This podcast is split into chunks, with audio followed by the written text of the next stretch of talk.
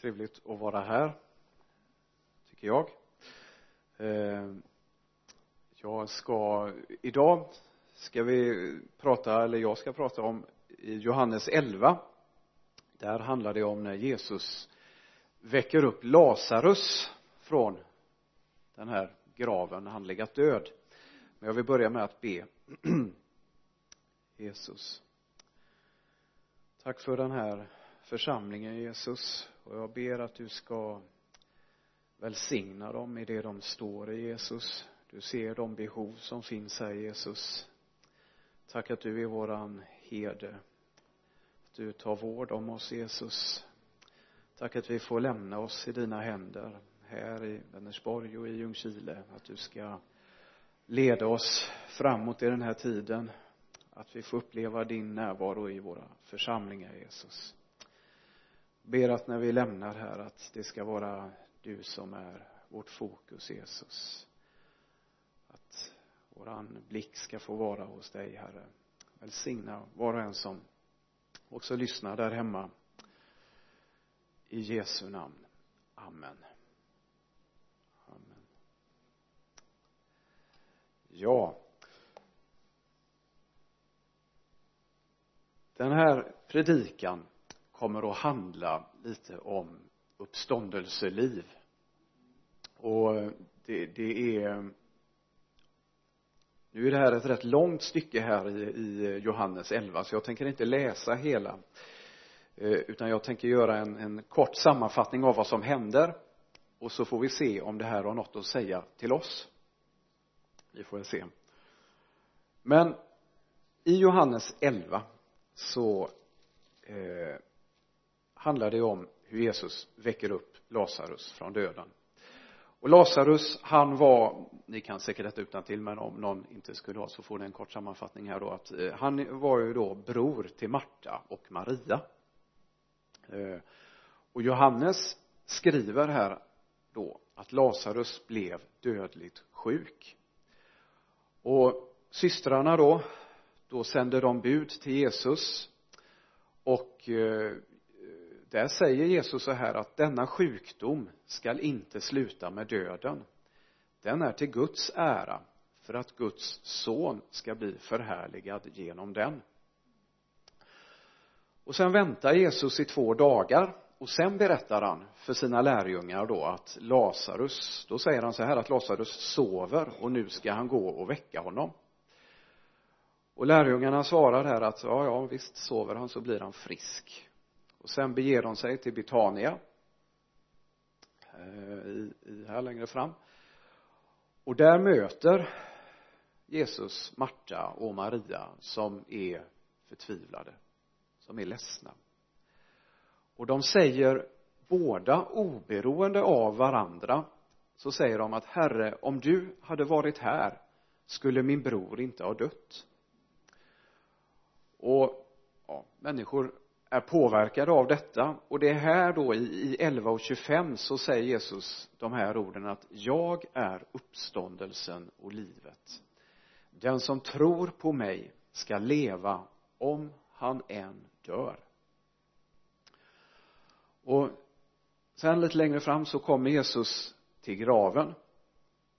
Och Lazarus ligger ju inte i en sån här i en kista tre meter under utan han ligger i en klippgrav där när det är en sten som är, är rullad framför där då en klippgrav.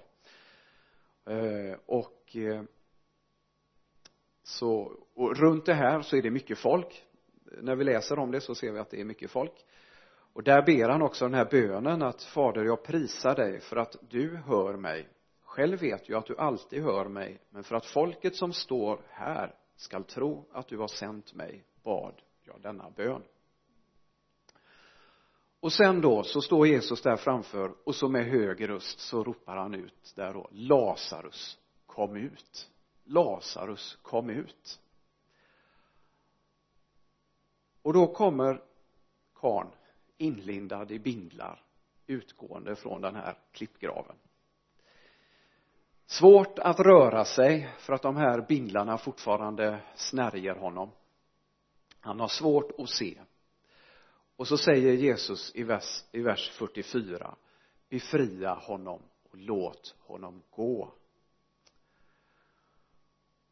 Och genom detta så kommer många till tro. Står det, vi kan läsa det. Eh, och men fariseerna och överstepräster, stora rådet ja, lite som vanligt de blir oroliga och de samlas. Eh, och de fruktar att alla ska börja tro på Jesus. Annorlunda reaktion men de tänkte mer på makt och annat än det som, som var rätt i, i alla fall i det här läget då.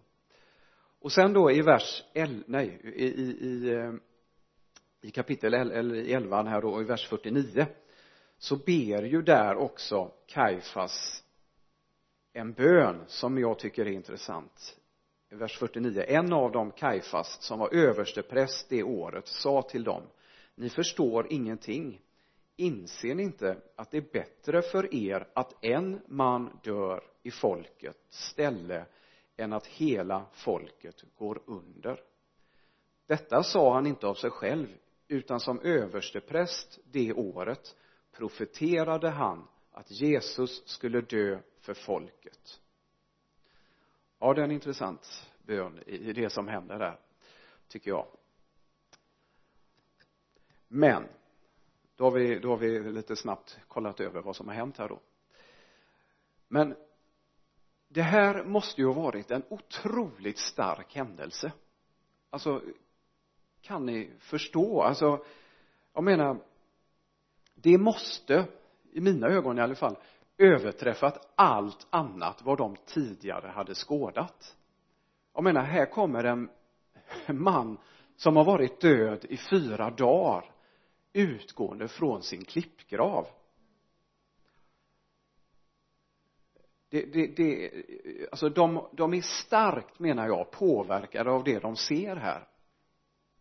Och bara som en liten parentes så kommer jag ihåg när jag var rätt ny som, som brandman ambulanssjukvårdare och så ibland då när man åker ut med, med sin ambulans så får man ju larm om att ja, medvetslös person någon som har fallit ihop. Och det här händer ju ibland på allmän plats. Och då brukar ju det alltid föra med sig att det samlas mycket folk. En del bara är intresserade och en del, men en del försöker faktiskt hjälpa och det är bra och då får man det här larmet då man är två personer och man åker iväg där med sin bil och det här kanske händer inne i femman i Göteborg eller någonstans. Mycket folk. Och så kommer man ju där och vi vet ju inte heller riktigt vad som har hänt. Och så gör man ju sina undersökningar där då. Och bland annat så gör man ju det här att man tar ett socker eh, då, alltså man tar ett blodsocker och, och kollar om, om det här är en diabetiker. Och får man då ett väldigt högt socker så, så känns det lite för oss i alla fall som är att då har man ändå puls och sådär, man lever. Och då vet vi att det här är behandlingsbart på plats.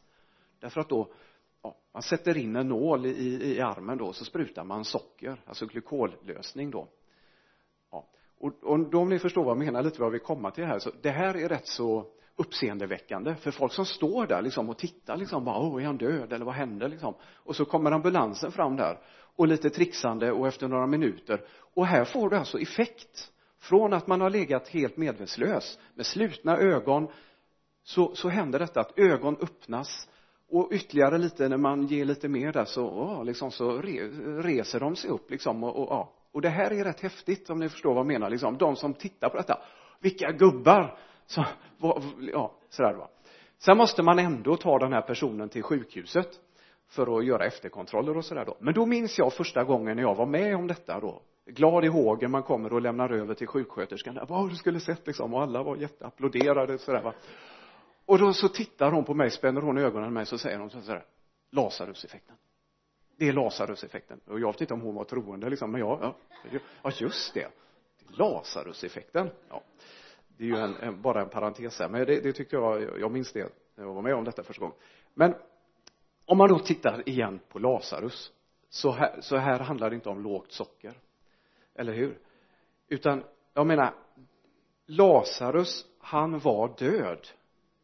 Och här har en alltså en förruttnelseprocess startat. Han luktar och har legat där i fyra dagar och jag läste en intressant kommentar om detta i, eh, i en bibelkommentar att för judarna vid den här tiden och det kanske man tror fortfarande av tradition så trodde man att efter när man hade dött då så efter tre dygn eller tre dagar då har själen lämnat kroppen. Och här har Lazarus legat fyra dagar. Och det, det här måste ju gjort det här ännu mera uppseendeväckande om ni förstår om man har det tänket. Det här är någonting helt omöjligt. Det här går inte. Det spär på för de som tittar där att helt omöjligt det här kan inte hända. Eh, men det händer. Varför då? Och så när Jesus uppväcker Lazarus här på det här sättet så är det en oerhört stark manifestation av Guds sons makt över döden och det pekar också framåt på det som skulle hända med Jesus själv. Här visar Gud menar jag att han står över alla naturlagar. Han står över människans förnuft. Han står över vetenskapens liksom alla uttalanden om vad som går och inte går därför att Gud är allsmäktig. Han är allsmäktig. Och den här skapande eller den här livskraften det här uppståndelselivet som rår över dödens mekanismer det stöter vi på redan i första Mosebok när vi ser att Gud skapar den här tillvaron. Alltså Guds uttalande ord har kraft har makt att skapa från ingenting. Därför att Gud sade var ljus. Och så blev det ljus.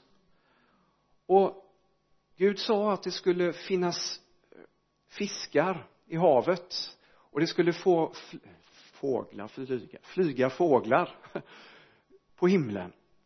Och han skapade dem efter deras slag. Så det står ingenting om fiskar som fick ben eller apor som började utvecklas till människor. Utan det står att Gud skapade människan till sin avbild. Gud hade makt och har makt att göra detta. Och det här tar honom sex dagar. Så på samma sätt som vad ska man säga, samma sätt som det var helt omöjligt för Lazarus att stå upp, att komma ut ur den graven ur egen kraft så är det lika osannolikt. Det är lika omöjligt att du och jag kan bryta med syndens makt att ta oss ur vårt dödläge om vi inte släpper in livets herre i våra liv. Det är bara Jesus som kan lösa dig och mig från de här dödens bindlar. Om jag får använda dem som en bild på synden, på mörkret, på det som vill ha oss i sitt grepp. Och det behövdes ett gudomligt ingripande i Lazarus kropp för det här var ett gudomligt ingripande.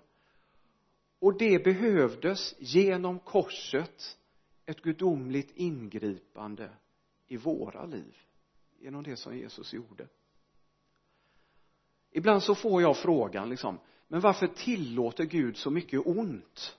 Och det är en befogad fråga. Tycker det är en ärlig fråga. Varför stoppar inte Gud detta? Eller varför hur kan det här ske när man pratar med människor om tron? Men mitt svar på det är att Gud har gripit in. Jesus är det svaret. För att om den här tillvaron hade lagt sina liv i hans händer så hade vi inte haft behövt ha lås på våra bilar. Bland annat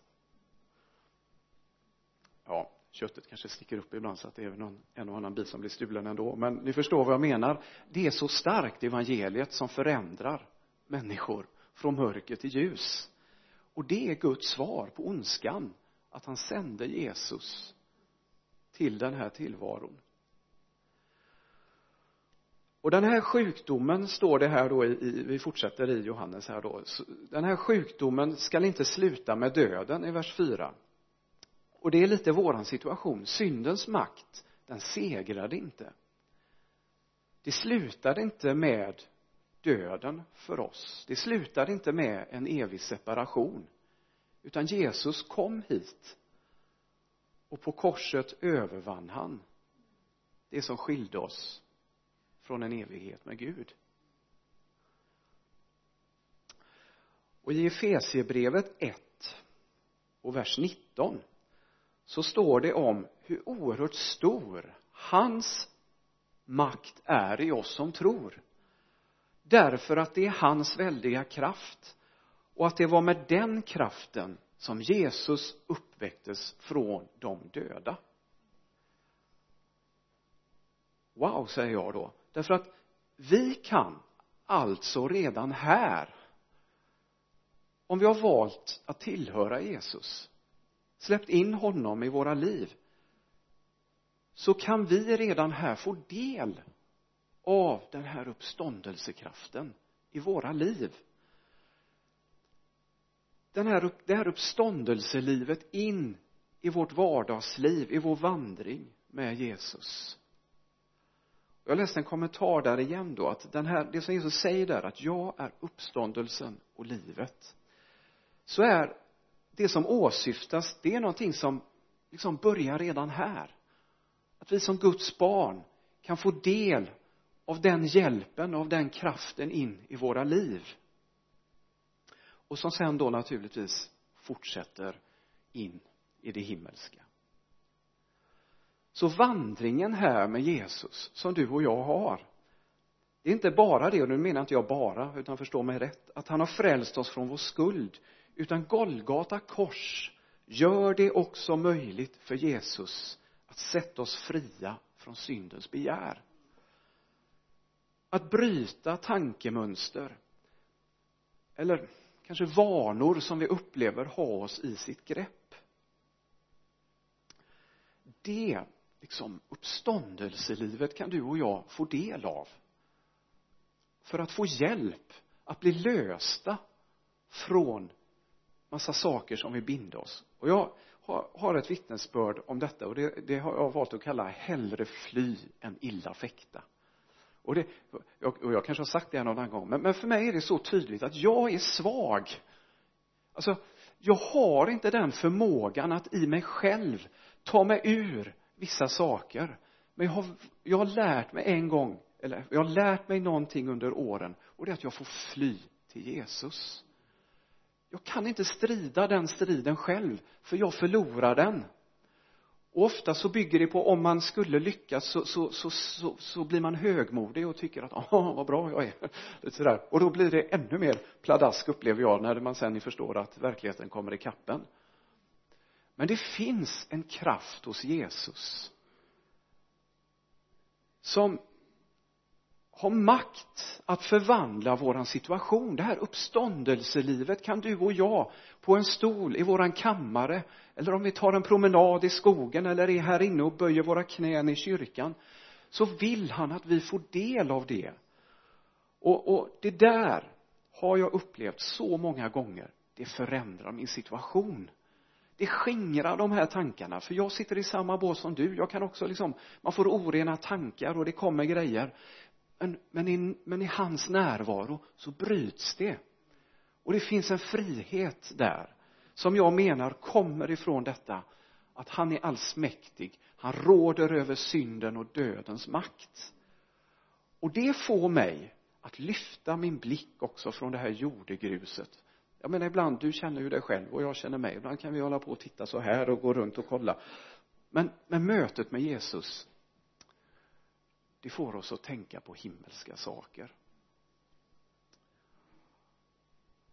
Och det, det ibland så kan vi bli modlösa över situationer och olika saker men även där vill jag säga att det finns en hjälp i att fly till Jesus. Att inte försöka att strida och kriga det ur det ur egen kraft.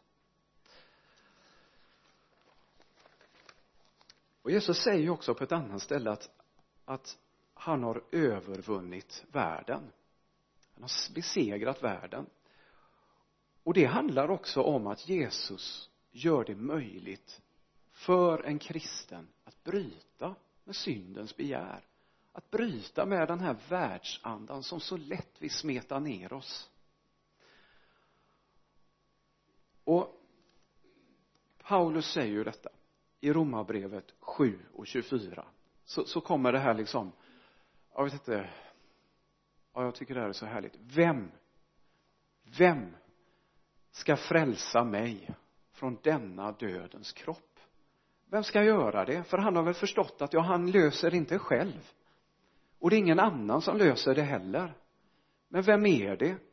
Jo Gud vare tack. Jesus Kristus vår Herre. En så bra och kort beskrivning av våran situation. Att det är han som kan lösa dig och mig från de här dödens bindlar. Och jag tänker på det som händer här då med Lazarus. När han kommer ut ur graven så säger Jesus så här befria honom och låt honom gå. Och för rätt så många år sedan nu när jag gick en bibelskola så pastorn som höll den här bibelskolan. Han han delade en sak med oss där då som gick där att han upplevde att ja många men, men för, för många i alla fall många kristna som hade kommit till tro så, så var det som att man fortfarande ändå gick och liksom drogs med de här dödens bindlar. Och, och men man kunde ha en väldigt stark bekännelse i sången men, men vardagslivet ser helt annorlunda ut och han upplevde liksom att han fick en börda för detta liksom att så vill inte Gud att det ska behöva vara. Alltså om jag använder den här bilden att man, man, man, har, man har kommit till tro men på, på något sätt så går man fortfarande oj, ursäkta, runt med de här bindlarna lite så man ser inte och man är fortfarande bunden eller begränsad.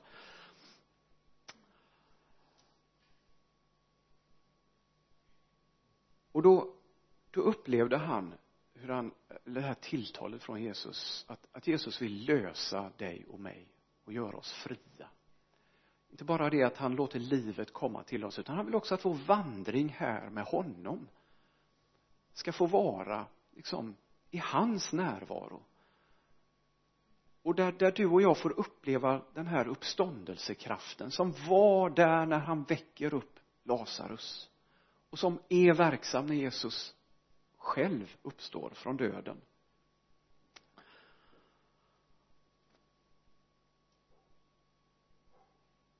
Och det här är helt på Guds hjärta för jag känner det själv. När jag, när jag som jag sa förut hellre fly än illa fäkta så, så, så upplever jag att ja men Gud vill ju inte att vi ska gå där begränsade och, och, och liksom nedböjda under massa begär utan han vill sätta oss fria.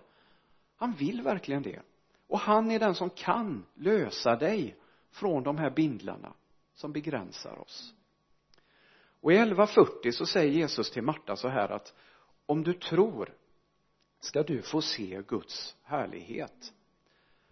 Och då kanske någon tänker om jag ska jag börja prestera nu och göra massa saker?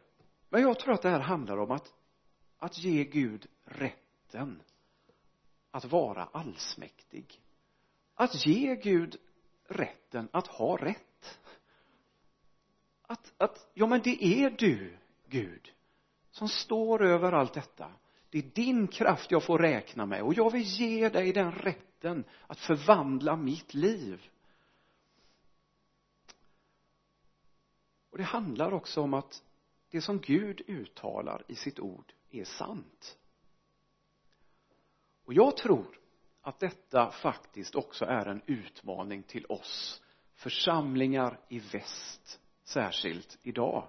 Därför att på något sätt så vi, lever vi idag i en stark sekulär kultur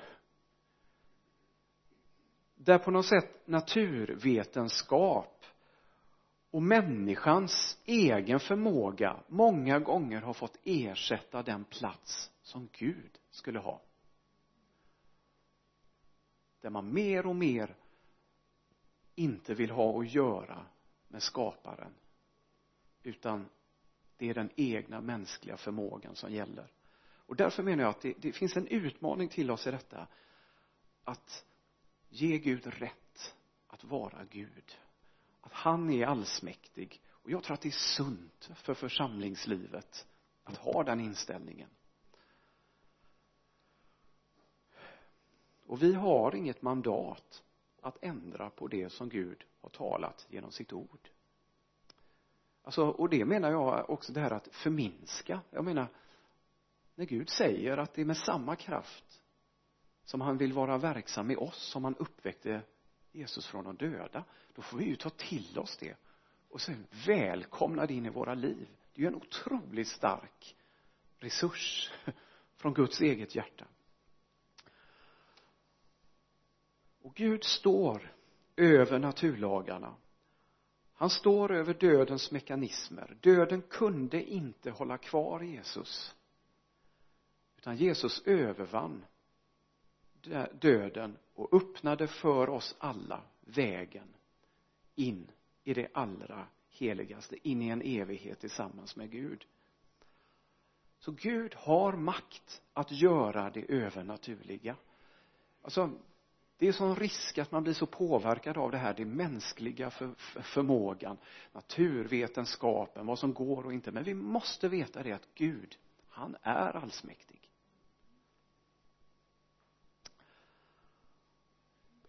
Och om Guds ord talar om att Jesus är uppståndelsen och livet och att det livet är verksamt i oss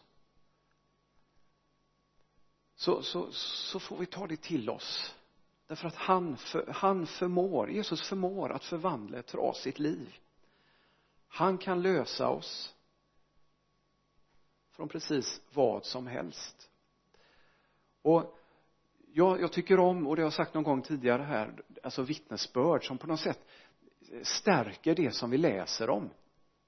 Och för några veckor sedan så satt jag och lyssnade till ett vittnesbörd som, som kom från det här, den här Heart of Evangelization, tror jag det heter, va? Staxets uh, um, ja, där när han är involverad så att säga där. Och där, där var det ett vittnesbörd som, som jag tyckte var väldigt, jag tycker, jag tycker väldigt mycket om att lyssna på vittnesbörd. Det här när, när liksom en människa som har haft det så här och nu upplever någonting helt annat för att Jesus har förvandlat. Och där var det en, en, en kille, eller ja, kille, medelålders man, jag vet inte hur gammal han var, som sådär, väldigt enkelt vittnesbörd, inte massa tillbehör, blinkande lampor och rök, utan bara liksom, det här har Jesus gjort för mig. Och han levde ett liv i, liksom, han tog sig inte ur sitt drogberoende. Och han gick på det ena och det andra och han slussades fram och tillbaka till sådana här olika hem och instanser och han upplevde hur fast han var. Och han fick ingen hjälp.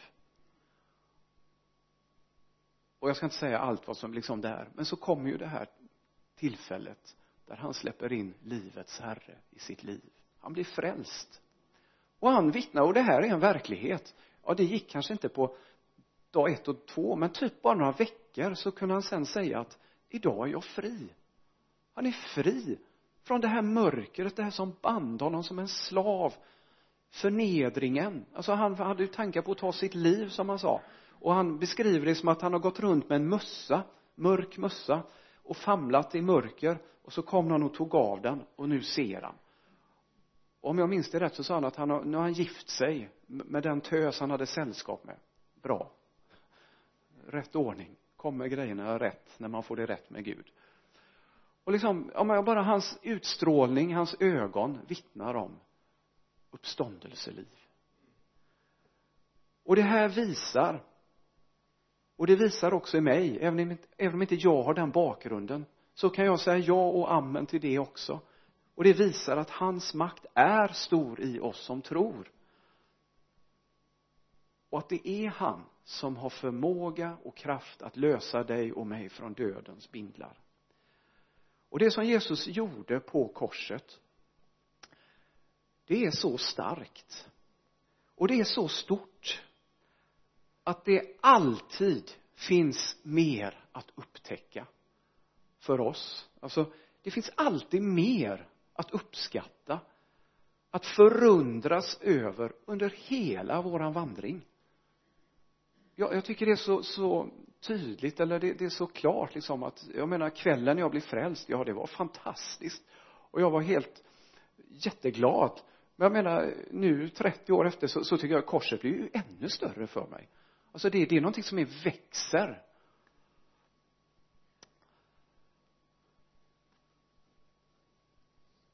Så från den dagen då vi kom till tro då vi släppte in livets herre i våra liv så är det starten. Det är början på någonting. Och korset för mig är en en otroligt stark symbol. Eh, jag har svårt att titta på ett kors. Naturligtvis om jag kör runt och jag, jag ser att det fladdrar förbi på en kyrkbyggnad och sådär jag kanske inte men när jag sitter och tittar på korset här eller i min egen kyrka eller någon annanstans så blir jag alltid berörd. Jag, jag kan inte titta på det där utan att jag känner jag känner respekt jag känner vördnad och jag känner tacksamhet glädje. Därför att det är det är platsen där priset för min synd blev betald. Det är platsen där jag blev av med all min skuld.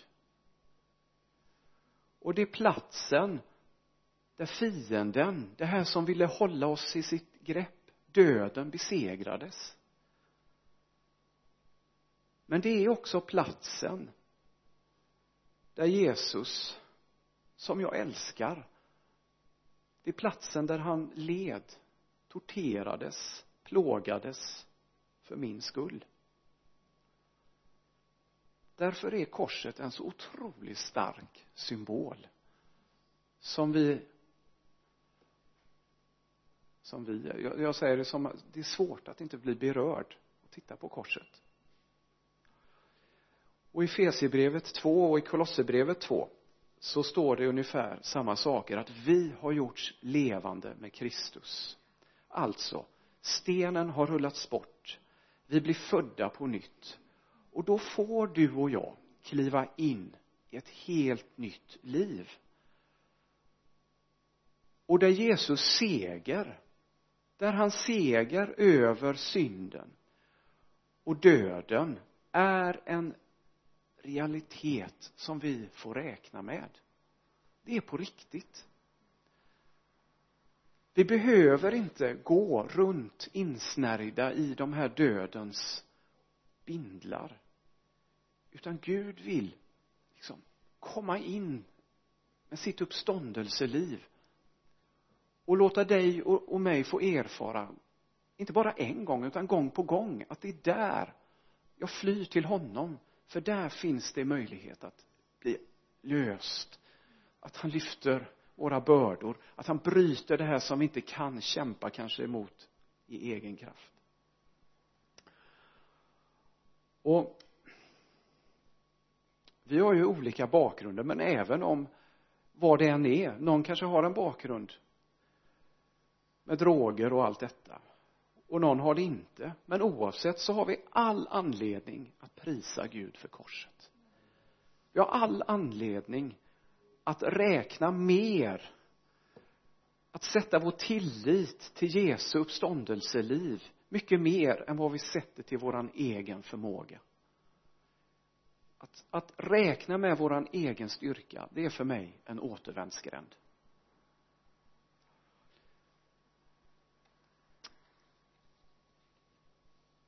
Och det är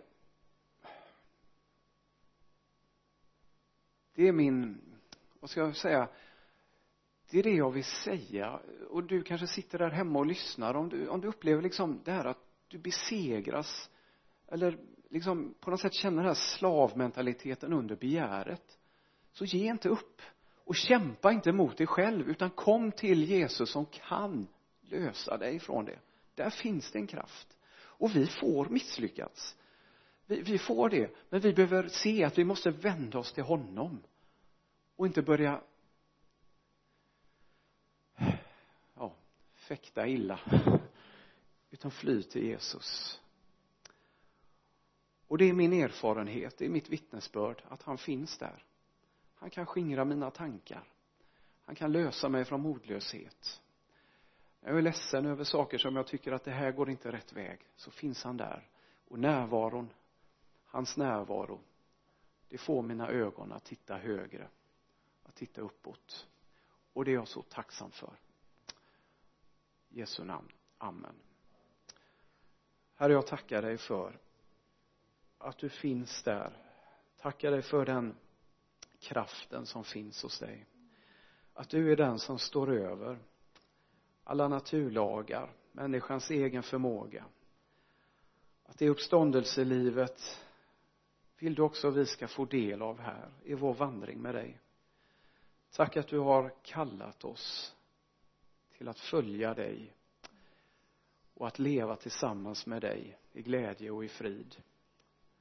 Och jag ber att vi ska söka den hjälpen Jesus. Tack att du kan lösa från de här dödens bindlar du inte vill att vi ska gå runt och vara begränsade herre utan att det finns en kraft till förvandling i ditt namn Jesus. Tack för alla vittnesbörd över vår jord om evangeliets kraft att frälsa. Hjälp oss Jesus i den här sekulära kulturen att se verkligheten i det. Amen.